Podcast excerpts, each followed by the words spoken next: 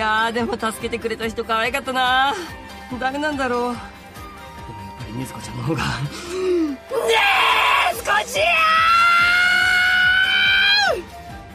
こんにちは。吾妻善逸役下野紘です。さあ今回も始まりました「鬼滅ラジオ」えーこの番組はテレビアニメ「鬼滅の刃」の魅力をリスナーの皆さんと共に熱く語り合う血風剣劇冒険ラジオです。ということで、えーやっと鬼滅ラジオに戻ってきてくれたと思った炭治郎がどこ行ったんだよ！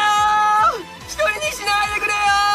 はい。ねえーご存知の方もいると思いますけれども、えーなんとですね花江くんが夏休み中ということでございまして、えーとはいえ私一人ではねちょっと心細い部分もあるというところで、えー今回一緒にラジオを進行してくれるのはこの方です！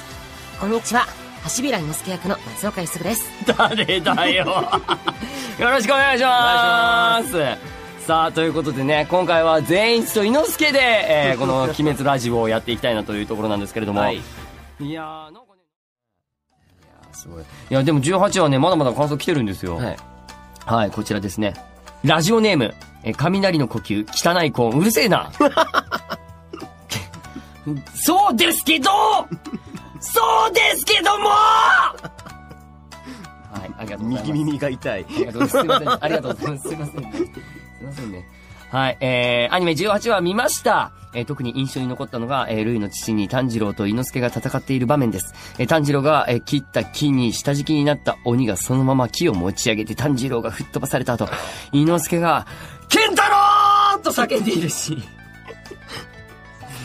かまぼこゴンパチロウもなかなかでしたが、あのタイミングで、ケンタロウは、戦闘中でも笑わずにはいられませんでした。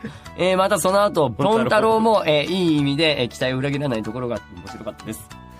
いや、でも僕、違和感なかったと思うんですけどね。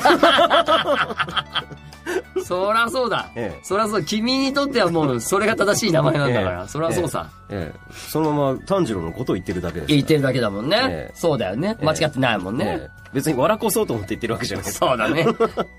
ただまあ、間違える。まあ、分かってることなんだけどね。えやっぱりなんかこう、ちょっととか、うんって一回なるよね。少しだけね。はい。うん。分かってることではありますけれどもね。さあね、えー、炭治郎とね、今後ね、一体何回目で呼んでくれるのか。ね、7回目と言ってくれてますけれども。そうですね果たしてちゃんと呼んでくれるのか。はい。ね、その辺にも皆さん注目してください。はい ということで、たくさんのメッセージありがとうございました。またまた募集しております。以上、メッセージのご紹介でした。